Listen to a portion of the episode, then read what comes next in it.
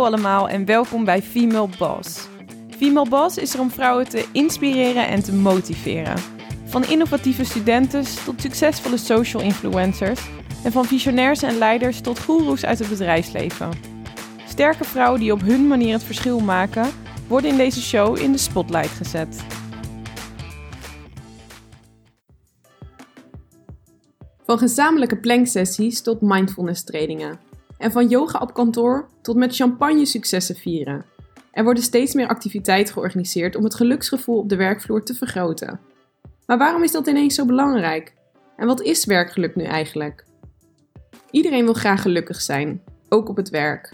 We brengen natuurlijk best veel tijd door op ons werk. Zo'n 80 tot 90.000 uur in ons leven. Toch zijn er nog veel mensen niet gelukkig op hun werk en heeft 27% één of meerdere slechte werkdagen per week.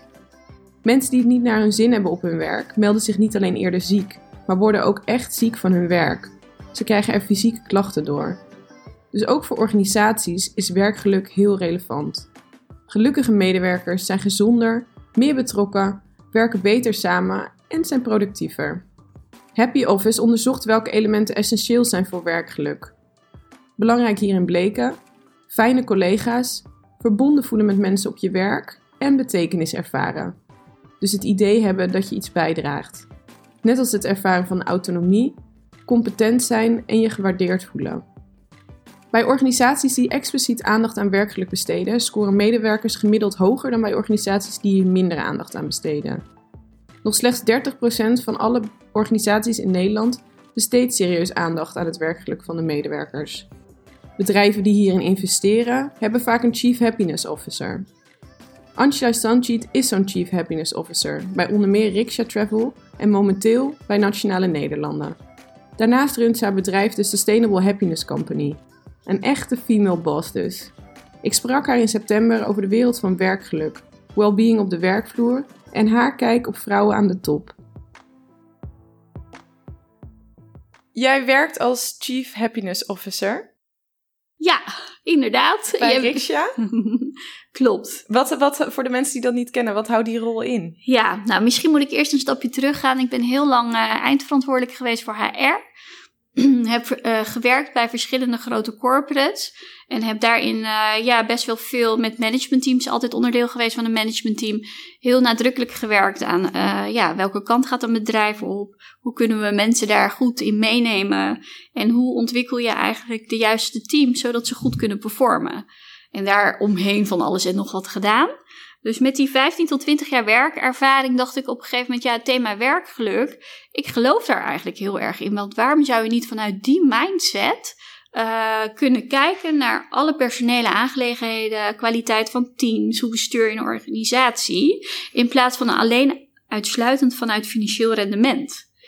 Uh, want als je echt het verschil wil maken, duurzaam, dan moet je daar eigenlijk echt beginnen. En ik, ja, ik geloof er gewoon ook echt in dat dat al alleen al een goede vibe met zich meebrengt. Want wat doet dat verder, werkgeluk, naast een goede, goede vibe op de werksfeer? Nou, er is uh, natuurlijk heel veel onderzoek daarnaar gedaan. En eigenlijk alle onderzoeken laten gewoon zien dat de, uh, echt het gemiddelde bedrijfsresultaat enorm verbetert. De verkoop gaat omhoog. Uh, maar het ziekteverzuim ja, daalt ook echt wel drastisch. Burn-outs gaan naar beneden. een organisatie wordt ook wendbaarder, creatiever. Dus eigenlijk volop heel veel voordelen. En het is ook wel bewezen. Uh, maar daarom zou je het niet moeten willen, zeg ik dan altijd. Dat is meer gewoon ter verdediging dat het geld oplevert. Ja. Maar alleen de gedachte dat je ook op die manier een bedrijf zou kunnen runnen vanuit die perceptie. En dat mensen gewoon als ze in staat zijn om te doen waar ze goed in zijn. En ze daarin gefaciliteerd worden en uitgedaagd worden met nog een aantal andere randvoorwaarden dat je eigenlijk best wel in een lekkere flow komt als organisatie. Uh, maar we zijn natuurlijk heel erg gewend om vanuit de oude wereld te sturen. Op uh, cijfers en rendement en korte termijn. En gelukkig zie je nu steeds meer de shift hè, naar een purpose-gedreven economie. Uh, millennials die hele andere dingen vragen, die veel meer gaan over balans, allerlei start-ups die ontstaan omdat millennials hartstikke goede ideeën hebben. En wat je ook ziet is in dat, dat soort start-ups, de energie en de blijheid van de mensen echt uh, geweldig is eigenlijk. Omdat daar van nature al, uh, al deze facetten in meegenomen worden. En natuurlijk is het wat makkelijker dan de gevestigde orde. Uh, maar het zou fijn zijn als we met z'n allen meer vanuit die mindset gaan werken. Ja. ja. En hoe was jouw ervaring met de bedrijven waar je hiervoor werkte? Zag je juist dat werkgeluk een groot onderwerp was of juist een meer ondergesneeuwd onderwerp? Nou, het was gewoon geen onderwerp. Geen überhaupt onderwerp. niet. Uh, maar dat kwam omdat het woord geluk of werkgeluk natuurlijk in een hele erge dominante omgeving met mensen die heel erg op cijfers sturen ja, dat, die, die twee werelden passen eigenlijk gewoon niet bij elkaar. Nee. Heel lang heeft dat niet bij elkaar gepast. Want dachten mensen dat als ze zich druk moesten gaan maken over het werkgeluk van hun uh, werknemers, dat dat alleen maar tijd, geld, kosten en niks opleverde? Ja, en ook denk ik gewoon echt het wetenschappelijk inzicht. Wat is werkgeluk eigenlijk überhaupt? Weet je wel, dat is nog best wel onbekend. Het is nu net een beetje hot aan het worden. Zeker in de war of talent, dat mensen gewoon niet goed aan uh, goede werknemers kunnen komen. Een schaarste is op de arbeidsmarkt. Dan zie je dat je ook gaat grijpen naar andere middelen. En een daarvan, in positieve zin, is aandacht vestigen op dat werkgeluk. Want mensen kiezen er steeds vaker voor om echt vanuit zichzelf goed in hun vel te zitten en een organisatie te kiezen eh, waar ze kunnen leren, groeien, fout kunnen maken en verder kunnen. Uh, en je ziet dus dat organisaties eigenlijk daardoor ook wel een beetje gedwongen zijn om daarop mee te gaan. Ja. Um, en ben je daardoor bang dat het misschien een tijdelijk iets is? Nee. Dat als de markt straks weer minder overspannen is qua vraag en aanbod uh, naar werknemers, dat als dat die vraag weer afneemt, dat ze. Nee, ik geloof hier eigenlijk best wel heel erg in. Omdat ik zie dat heel veel mensen ook nadenken over de volgende generaties. Ja, iedereen heeft kinderen discussies gaan nu ook wel wat breder. Voldoet onze opleiding uh, een onderwijs daar nog aan? De vormen die we geven is het niet allemaal te heel erg resultaatgericht. Zouden we ook niet meer andere uh, ja, aspecten moeten aanspreken om een gezondere samenleving met elkaar te creëren? Meer holistisch misschien. Uh, dus ik geloof er wel in dat dit wat bestendiger is. Alleen het zal uh, hè, wel met hobbels gepaard gaan, zeg maar. Het is niet zo vanzelfsprekend deze job, Chief Happiness, is wel echt verdrievoudigd, volgens mij, of verzesvoudigd, okay. als ik laatst. Uh, dus je ziet ook wel dat, dat mensen dat steeds normaler vinden. En ik had wel zoiets van, ik vind dit zo'n interessant onderwerp. En ik was er al stiekem wel een beetje mee bezig in mijn rollen die ik hiervoor had gehad. Maar ik dacht, ik weet er eigenlijk ook niet zoveel van. Ik moet me wel echt even hierin gaan verdiepen wat dit nou eigenlijk is. Voordat ik er überhaupt uh, wat over kan vinden en zeggen. Dus vandaar dat ik mijn baan opgezegd heb en eigenlijk een gelukssabbatical heb ingelast. En ik ben eigenlijk wat opleidingen gaan doen. Heb een bedrijfsmodel ontwikkeld, heel veel deepdiving gedaan op uh, al die wetenschappelijke onderzoeken. Te gek. En uh, ik vond het zo leuk. Ja. Ik kreeg zoveel energie en mijn netwerk ook uh, zoveel mensen leren kennen eigenlijk. Het was echt een heel bijzonder jaar, moet ik zeggen. En daar kwamen eigenlijk ook vanzelf de opdrachten, omdat het model uh, best wel een logisch model is en best wel een antwoord geeft op een aantal vragen. En waardoor ik heel erg verrast was, was het feit dat er al best wel wat bedrijven dit best al een topic vinden en daar al mee bezig zijn. Oké. Okay. Maar we zitten nog steeds aan die beginfase. Uh, dus er is nog best wel een lange weg te gaan en dat is ook niet morgen opgelost. Mm -hmm. uh, maar ik vond het heel inspirerend dat heel veel bedrijven daar al echt op een bepaalde manier aandacht aan schonken. Ja. Dus dat heeft me heel erg verrast. Daar ben ik heel blij mee. En hoe heb jij jezelf toen ontwikkeld in die rol? Want ik kan me voorstellen als het zo'n vrij nieuwe rol is, is dat best moeilijk om. Er is geen duidelijke opleiding misschien voor, uh, net zoals het bijvoorbeeld het worden van kok. Dan weet ja, je heel duidelijk wat je gaat doen. Klopt. Ja, ik ben echt een pionier en uh, met die mindset en heb heel sterk een eigen visie. En met de ervaring die ik eigenlijk ook al had, was het voor mij dat was het puzzelstukje wat heel erg samenkwam, zeg maar. Al die ontbrekende dingen maakten voor mij van ja, maar dit is het ook wel. Hè, hoe kan je dit strategisch verankeren in een organisatie? Dat elke stap die je eigenlijk zet, zet gaat ook over die hele employee journey en die experience daarin, maar wel vanuit een mindset dat werkgeluk uh, bepalend is voor het succes van een organisatie. Uh, hè, dus als je daar goed aandacht aan schenkt, uh, dan zit er gewoon echt wel heel veel potentie om succesvol te zijn als bedrijf. Eh, maar dan moet je wel weten wat het is, aan welke knoppen je kan draaien. En wat je ziet is dat die traditionele medewerkerstevredenheidsonderzoeken of engagementonderzoeken, ja, dat, dat werkt gewoon niet meer. Dat is ook gewoon niet meer van deze tijd. Mensen hebben er ook geen zin meer in. Ja, je ziet ook dat er heel veel kortdurende vragenlijstjes komen of via de app of wat dan ook. En denk je dat het komt dat mensen het niet meer doen omdat het uh, in de praktijk niks opleverde of dat er geen respons op kwam? Ja, op een gegeven moment denk ik dat ze het al zo vaak hebben moeten invullen en niet per se zien wat er dan verandert of het wordt dan zo'n groot ding. En ik zou het gewoon heel klein houden en heel ja, schaalbaar en dicht bij jezelf, zodat je meteen het herkent ook. Van joh, dit is mijn uitkomst en wat kan ik hiermee? Dus ik heb ook samen met een heel goede partij, hebben we zelf een eigen happiness scan ontwikkeld. Uh, aan de hand van een model. Uh, wat heel erg duidelijk maakt uh, welke factoren je werkgeluk vergroten. En dat kan je dan ook echt meten. En daarmee krijg je een resultaat op organisatieniveau. Maar ook binnen je team als je dat wil, maar ook individueel. Dus jij kan meteen zien wat geeft mij energie en wat kost mij energie. En vaak weet je het al, hè? Uh, maar het helpt wel door dat te zien. Door het in elkaar te brengen. We hebben nu echt best wel, nou, best wel wat bedrijven of teams hier doorheen gehaald. Het is zo leuk om te zien uh, ja, wat voor inzicht mensen krijgen en hoe ze daarin verder kunnen. Um, ja, dat vind ik echt wel heel uh, bijzonder. En wat zijn dan voorbeelden van gevolgen van mensen die die happiness scan uitvoeren en zien erachter komen wat de energielekken eigenlijk zijn? Ja, dat ze daar dus wat mee kunnen. Uh, of dat bespreekbaar maken of keuzes maken. Hè? Want soms kan je je omgeving niet veranderen. Uh, maar maakt het wel heel erg duidelijk van joh, ja, dit is misschien niet meer mijn plek. Dat kan natuurlijk ook, hè? Ja. Um, het wordt om verschillende doelen wordt het ingezet als team, teamdag. Wat kunnen wij doen om als team verder te performen en te verbeteren en et cetera. Sowieso heb je verbinding met elkaar op dit thema. En ik zou het nooit los inzetten. Het moet altijd iets zijn van een uh, groter verhaal. Je wilt hiermee aan de slag en dit is maar één, één puzzelstukje daarvan. En het gaat er vooral om dat je dit met elkaar uh, gaat doen. Dat je er tijd voor krijgt. Maar het is ook heel belangrijk om goed uit te leggen waarom je dit zo belangrijk vindt. Hè? En mensen worden al zo blij. Ik heb zo vaak gehoord dat mensen zeggen: Ik vind het echt tof dat mijn werkgever hier aandacht aan schenkt. En dit belangrijk vindt. Uh, en natuurlijk is het, ligt het een deel ook bij jezelf. Uh, maar je geeft wel het goede signaal af. En soms heeft het geleid tot een echte happy teamplan. Waar, wat gaan wij doen? En dat ik na een jaar weer contact heb. En dat er ook echt wel bepaalde resultaten zijn bereikt, weet je wel. Ja, sommige mensen maken een heel maatwerkprogramma daarvoor. Sommige mensen willen echt een opleidingsprogramma voor ontwerpen. Of willen HR door een heel programma heen halen waar dit een onderdeel van is.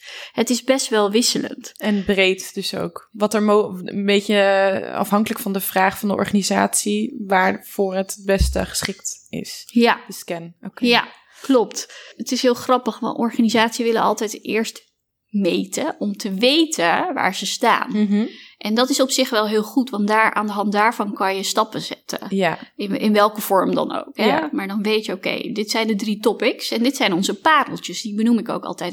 Dit is zo gaaf, ja. dit zit zo goed bij jullie. Dat moet je ook delen.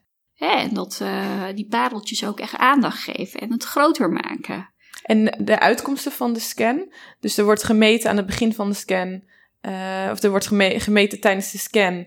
Daarna wordt er een plan opgesteld door de organisatie en daarna wordt er als het goed is nog een keer gemeten. Heb je al gehoord wat de uitkomsten zijn van die tweede scan? Heb je positieve resultaten ja, gezien? Ja, die hebben we wel gezien. Ik weet alleen niet of ik dat kan delen helemaal, maar je ziet wel uh, wat het effect is. We hebben ook een aantal open vragen erin.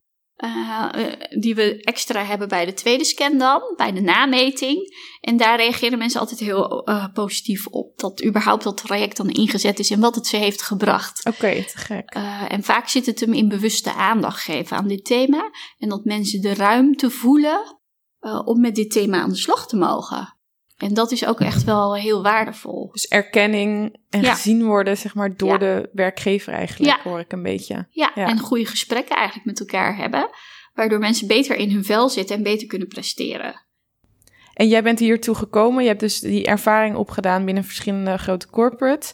Toen heb je je eigen bedrijf opgezet, de Sustainable Happiness Company. Klopt, ja. Je hebt een scan. Ja. Ik heb dus niet alleen een scan. Uh, maar we bieden ook echt opleidingsprogramma's aan aan uh, ja, leidinggevenden, maar ook HR-mensen, recruiters heb ik gehad, die gewoon echt wel door zo'n dag heen gaan van wat kan ik morgen al anders doen met mijn team, zelf of met de, de afdelingen waar ik verantwoordelijk voor ben, om het werkelijk te vergroten. Dus het toevoegen van wetenschappelijke inzichten, het brengen van inspirerende organisaties, eh, met modellen aan de slag gaan. Daar gaan, ze ook echt business cases uitwerken. Dat is wat we eigenlijk aanbieden. En daarnaast vind ik well-being echt de route waar we steeds meer op gaan. Waar je vroeger human resources had, ben ik heel erg fan van human well-being. Uh, want ja, werk en privé loopt ook steeds meer door elkaar. En hoe zorg je ervoor dat je goed oplaadt, goed disconnected bent, goed opgeladen bent, om weer te kunnen reflecteren en focus aan te brengen? Dat vraagt iets heel anders dan hoe je vroeger, oké, iemand is ziek, wat is er dan aan de hand? Ja, dat is, zijn best wel traditionele manieren van uh, we moeten met een bedrijfsarts aan de slag. We hebben een verzuimgesprek. Ja, dat is nog steeds belangrijk, maar dat is meer een hygiënefactor. Ja. Volgens mij moeten we met elkaar een omgeving uh, creëren. Dat je ook tijd inbouwt om te lummelen of om niks te doen. Om uh, ruimte te geven aan je eigen uh, brein. Want uh, onderzoeken laten ook zien als je gewoon goed lummelt, dat je daarna in een soort toestand terechtkomt, waardoor je daarna veel meer kan opnemen. Te veel scherper bent. En hoe ziet dat er in de praktijk uit? Dit is een van de tools, denk ik. Ja, wij bieden een driedaagse retreat aan voor mensen die op een kruispunt staan en denken: Goh, wat zal ik hierna nou doen? Of mensen die gewoon willen revitaliseren, omdat ze doorhebben hoe belangrijk dat is. Om gewoon dichter bij jezelf te blijven. En uh, ja, dat bestaat uit drie dagen. Eigenlijk een dag wat je, waar je unplugged bent. Letterlijk even disconnected. En aan de slag gaat. Low profile met heerlijke zachte oefeningen noem ik dat om even uit je hoofd te komen en meer te zijn en bewustzijn uh, te creëren en contact te maken. De tweede dag gaat heel erg over geluk en hoe je je eigen happy state of mind kan vergroten. Dat gaan we ook vooral doen. En de derde dag is een dromendag, zeg ik altijd. En dan gaan we aan de slag met je talenten, je dromen en je wensen. En uit die drie dagen krijg je echt best wel uh, weer contact met jezelf. Heb je hernieuwde inzichten, ben je ook opgeladen en kan je daardoor weer verder. En soms krijgen mensen, hebben ze nog behoefte aan een coach om ze heel erg concreet te maken van joh, ik ben nu zo lekker uh, losgekomen, heb weer helder. Hè, ik zat in die red race, want dat is het. En nu heb ik alles weer even bij elkaar gehad. Ik weet eigenlijk wel wat ik wil. Veel scherper, maar hoe maak ik dat nou concreet? Uh, dus dat de stappen in kaart brengen, ja. ja. Helpen echt dat nieuwe doel te bereiken. Ja, en heb je het idee dat er steeds meer mensen daar behoefte aan hebben? Ik kan me voorstellen door werkdruk, ook uit eigen ervaring, dat je niet meer ziet, misschien niet meer echt afstand kunt nemen en kunt kijken waar je mee bezig bent of inspiratie vinden. Ja, ik denk dat dat een nieuwe trend is, want het wordt al particulier door heel veel mensen heel erg opgezocht. Hè? Retreats, even een weekje weg, even afstand nemen, even de bergen in of alleen of uh, met een klein groepje. Uh, maar het is natuurlijk ook heel fijn, en dat zie je ook meer, dat werkgevers zeggen: joh, ga maar lekker een dag met jezelf aan de slag. Dat vind ik zo mooi aan Riksha. Die bieden de Quest aan. En dat is een driedaagse training. Waar je gewoon. Het is vrijblijvend, je mag er gebruik van maken. En dan kan je gewoon kijken: wat is mijn levensmissie eigenlijk? En dat is, uh, ja, bieden we gewoon aan. Te gek. maar. Ja. En dat zie je dat steeds meer bedrijven op zoek zijn. Ja, we kunnen heel hard investeren in vakinhoudelijke kennis. En dat is ook belangrijk.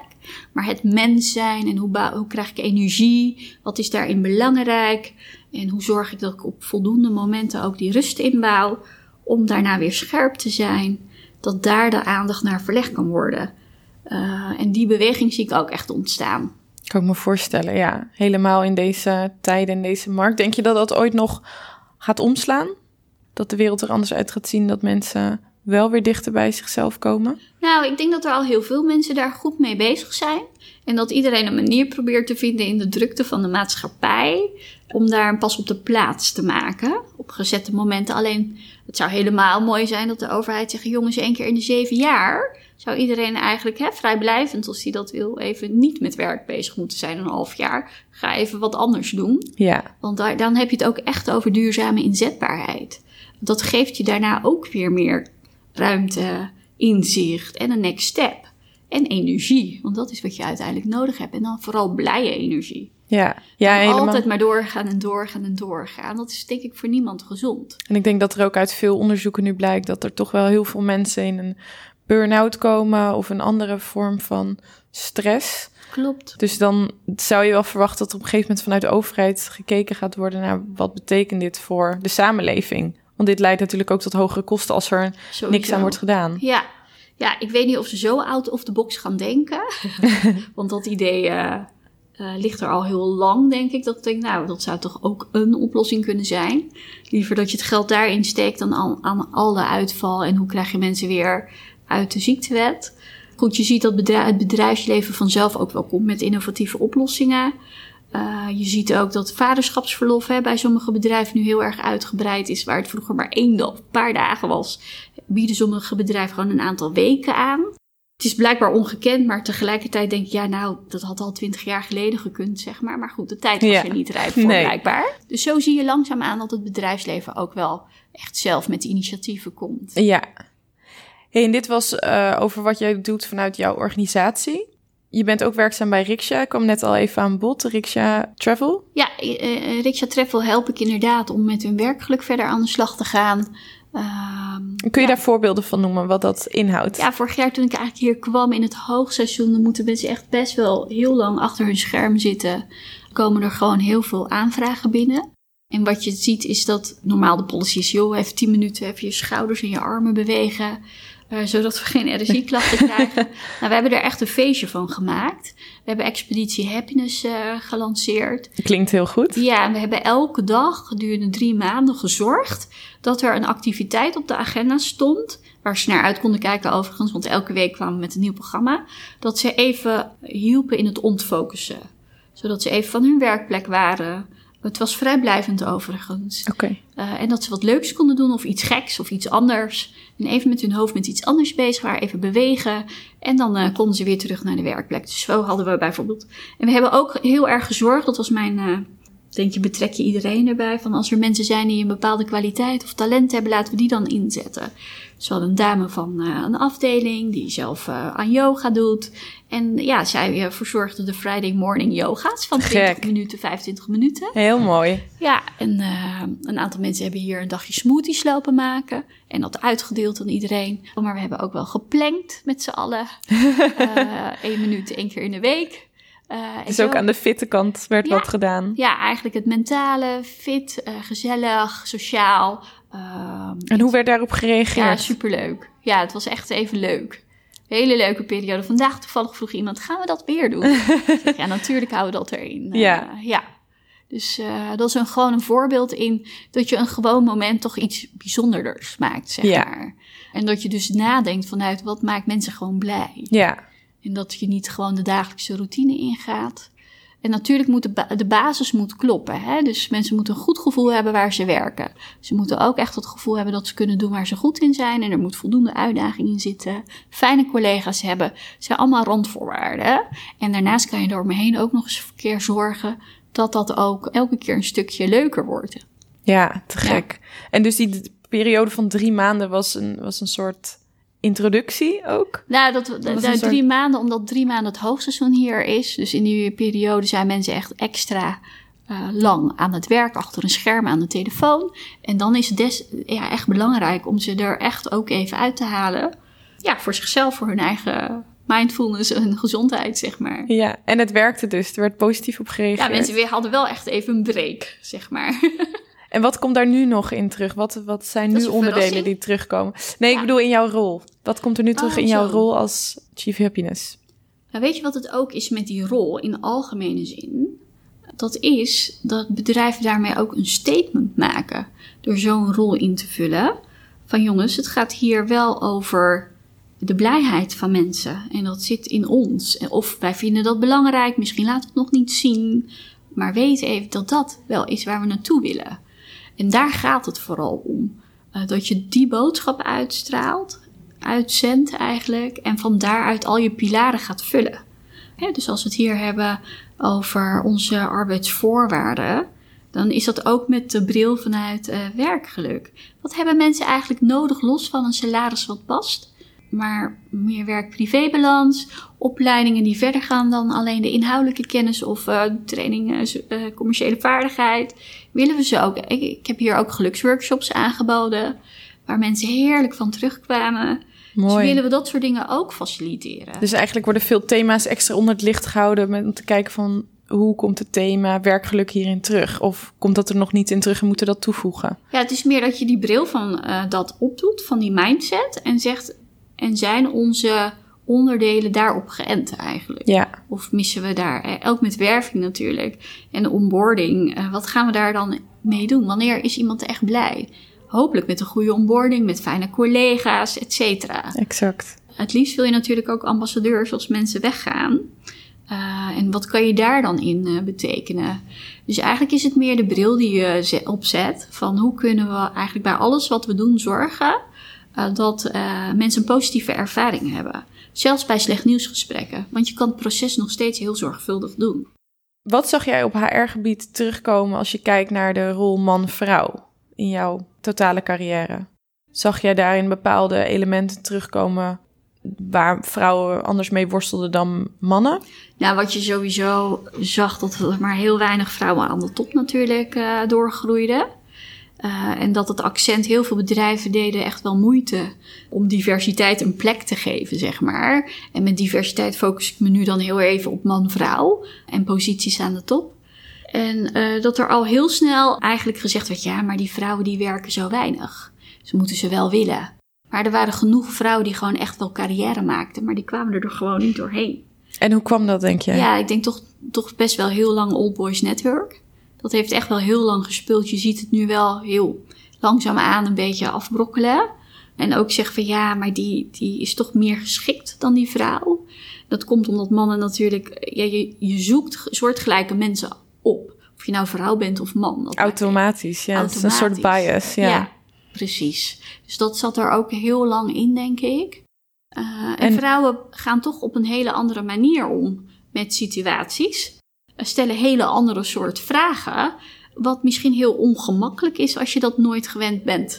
Hè? Terwijl je ook zou kunnen zeggen: hé, hey, dat is een hele andere manier van kijken en nadenken. Ik denk dat dat soort dingen Weet je, soms is het ook van, joh, we geven iemand gewoon, we weten het niet, maar we doen het wel, want tot zover is die persoon ook gekomen. En ik heb gewoon de ballen om het gewoon te doen. Ja. Weet je, dat soort bestuurders heb je soms ook gewoon nodig. Maar hoe denk je dat het doorbroken kan worden, die vicieuze cirkel van Old, Old Boys Network? Uh, dat vind ik een hele interessante, want als dat al bedacht was, waren we hier niet. Nu. Maar omdat je aangaf dat het in bepaalde bedrijven wel al. Ja, het valt beter op dat uh, overheden, ministeries, die. Uh, lopen best wel voor. Die kijken ook gewoon heel anders. Die regelen het gewoon. Zo voelt het een op de. Het is, het is echt heel anders. Commercieel gezien zie je ook steeds meer vrouwen aan de top. Maar nog steeds heel moeizaam. En dat komt ook omdat die lichting daarvoor ook niet goed gevuld is. Nee. En die, uh, die doelgroep moet ook gewoon maar gewoon, denk ik, op sommige posities gaat maar gewoon doen. Weet je wel? Ja. Ik denk meer dat die mindset moet komen dan afwegen. Gaat het wel lukken? Gaat het niet lukken? Ja, iemand is al heel ver gekomen. Dus middenmanagement moet eigenlijk al veel beter gevuld zijn om überhaupt bij het hoger management te kunnen komen. Ja. ja. En ja, nee, jullie ja, mannen en vrouwen zullen niet per se dezelfde waarde hebben in hoe ze sturen, et cetera. Maar dat geeft toch niet? Nee. Ja, weet je, en nee, misschien uh, is er bepaalde kennisniveau niet nou, uh, dat vult het elkaar weer aan als de vaardigheidsniveau er niet is van de andere kant. Of de sociale intelligentiekant er misschien anders is. Eigenlijk maakt het mij niet zo heel veel uit. Ik zou gewoon zeggen, jongens, gewoon doen. Probeer maar, want wat kan er nou misgaan? Ik heb het nooit mis zien gaan eigenlijk, op het moment dat er wel zo heel bewust die keuze is gemaakt. Want geloof je dat vrouwen net zo geschikt kunnen zijn voor die Absoluut. rollen? Alleen ze zetten hele andere dingen in. En wat je zag, wat een hele lange tijd, als er dan eens een keer vrouwen aan de top kwamen, waren toch mannen.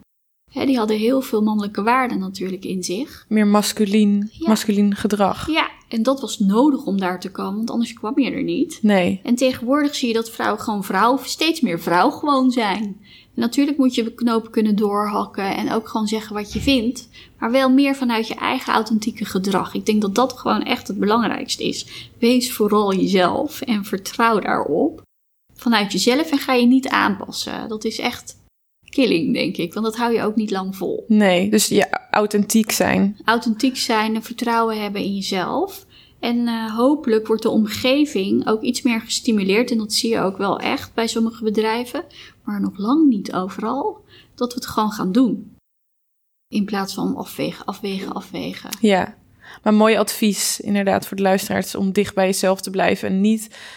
Ik denk dat veel vrouwen geneigd zijn om zich toch een beetje aan te passen, omdat ze graag ook door willen groeien. En als dat wordt gevraagd, is het lastig van moet je daarop wachten? Op die omgeving die verandert? Of kun je dan toch beter iets aanpassen? Uh, ja, wachten moet je nooit, denk ik. Dus als jij denkt, dit kan ik en dit wil ik, dan moet je daar altijd voor gaan. Ook als je denkt dat, dat je het misschien nog niet kan. Ja, dat geeft toch niet, anders leer je het ook nooit. Nee. Dus ik zou er vooral voor gaan. En dat ook duidelijk kenbaar maken. Ook laten horen dat je dat wil. Ja, en jezelf daarin blijven. En het uitspreken, die heb ik ook al bij de andere female ja. terug horen komen. Vooral laten weten ook wat je wilt. Want het is heel makkelijk om te zeggen van... ik word niet gezien. Maar als mensen niet weten wat jouw ambities zijn... of wat je graag zou willen als volgende stap... ja, dan kun je het ze ook moeilijk kwalijk nemen. Omdat ze het gewoon niet letterlijk niet weten. Klopt. Maar vaak weten mensen het wel hoor. Ja. ik weet dat dat veel gezegd is en vrouwen moeten daar iets meer uh, bij stilstaan, denk ik ook wel. Dat ze dat moeten laten horen. Maar tegelijkertijd heb ik ook heel vaak ervaren dat men het ook wel wist, omdat het ook wel echt gezegd werd. Uh, maar dat het toch niet lukte. En daar kom ik dan toch weer bij de mensen die dan zo'n beslissing moeten nemen. Uh, go for it. En niet te lang nadenken. En ga er gewoon voor. Weet je, zo werkt het ook. Zo kan het ook werken. Enerzijds ruimte vanuit de organisatie. Om juist te kiezen voor diversiteit, bedoel je daarmee? Ja, gewoon doen. Je hebt niks te verliezen. Nee. Ik geloof daar gewoon echt in. Het gaat echt waarde toevoegen. Maar goed, je, moet, je hebt mensen nodig, bestuurders die dat durven. En je ziet dat mensen daar uh, uh, steeds meer gevoel bij ontwikkelen. Ja, ja, dus er zijn steeds meer dappere bestuurders die wel durven kiezen dan... Ja, ze hebben ook kinderen die inmiddels misschien uh, vrouw zijn, die misschien ook een carrière... Dus ze zien ook wel, denk ik, dat je wilt je eigen dochters toch ook wel faciliteren in dit hele proces en het goede voorbeeld geven. Ja, inspireren met wat er mogelijk is. Ja, en dat zie je ook wel van uh, de vaders van tegenwoordig. Die zijn natuurlijk hele andere vaders dan de vaders van 15 jaar geleden. Ja. Die willen gewoon veel meer tijd met hun kinderen doorbrengen, ook al hebben ze topposities. Uh, je ziet dat wel. En ze weten ook dat dat duurzamer is en dat ze ja, nadenken over de volgende generatie. Ja. En dat vind ik gewoon mooi dat die dingen steeds meer ontstaan. Ook van de andere kant een ontwikkeling van de kant van de mannen. Om daarin ja. uh, meer ruimte, want dat geeft natuurlijk ook meer ruimte voor vrouwen. Zeker. Voor hun werk, als, uh, ja. als ze dat willen. Ja, en sowieso Mooi. zie je dat er heel veel initiatieven natuurlijk ontstaan buiten de gevestigde orde. Met start-ups, scale-ups, noem maar op. Initiatieven van vrouwen en mannen. Uh, jonge mensen die zulke goede doelen nastreven, dat ze maar zelf beginnen met een heel erg uh, platform of wat dan ook. Weet je, dus die hele wereld is aan het veranderen. Ja, en heel toegankelijk, denk ik. Toegankelijk, toegankelijk, voor mensen met ja. goede ideeën. Zeker. En jij gelooft erin dat dat ook een deel van de wereld gaat veranderen. Door steeds meer dat soort mensen. Nou, het gebeurt al automatisch, naar mijn idee. Ja, ik denk dat dat gewoon een trend is wat zich gaat voortzetten. En je hebt natuurlijk de gevestigde orde die ook moeten ontwikkelen, want er stromen millennials naar binnen ja. met hele andere wensen. En we hebben gewoon een langere periode dat we moeten werken met elkaar. Dus we hebben allerlei generaties naast elkaar lopen met allemaal verschillende eisen en wensen. Dus je moet daar, je kan niet meer zeggen we doen één ding voor iedereen, want het is allemaal maatbaar. Het is geen eenheidsworst. Nee. Klopt, ja. Dus dat dwingt uh, wel om anders te gaan kijken. Volgens mij postte een uh, groot bedrijf, waarvan ik de naam ook niet zal noemen, recentelijk op LinkedIn. Nou, dit is echt super, want onze nieuwe medewerker, die maar 23 jaar is, die heeft het beste financiële plan van de afdeling geschreven. Wauw. Weet je wel, en dat werd gewoon op LinkedIn gepost. Fantastisch. Dus ook echt trots en uiten en uiten. Waar vroeger mensen dachten, ja, maar ik werk hier al twintig jaar en ik weet het echt wel beter. Ja. Dat was toch een beetje, ja, de arrogantie, denk ik dan. Ja. Zie je dat uh, deze mensen, die nu, uh, die denken, ja, ik kan maar liever mensen aannemen die misschien beter zijn dan mij. Want het is, ik leer daar ook van. Ja. Weet je wel, het brengt de organisatie verder met ook die mindset. Ja, weet je, dat is zo'n gezonde mindset. En dat maakt een aantrekkelijke werkgever door te zien dat een werkgever trots is op ja. uh, haar medewerkers. Ja.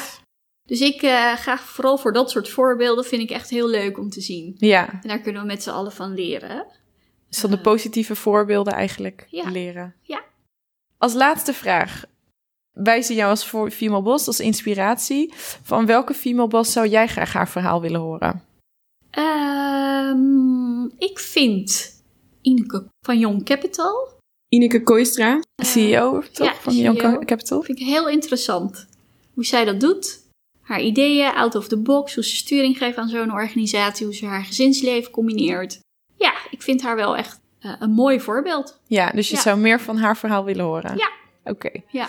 Hey, super. Dankjewel. Dankjewel voor je tijd. En dankjewel voor je mooie verhaal, je inspiratie en je tips. Graag gedaan. En uh, we gaan je zien. Ja.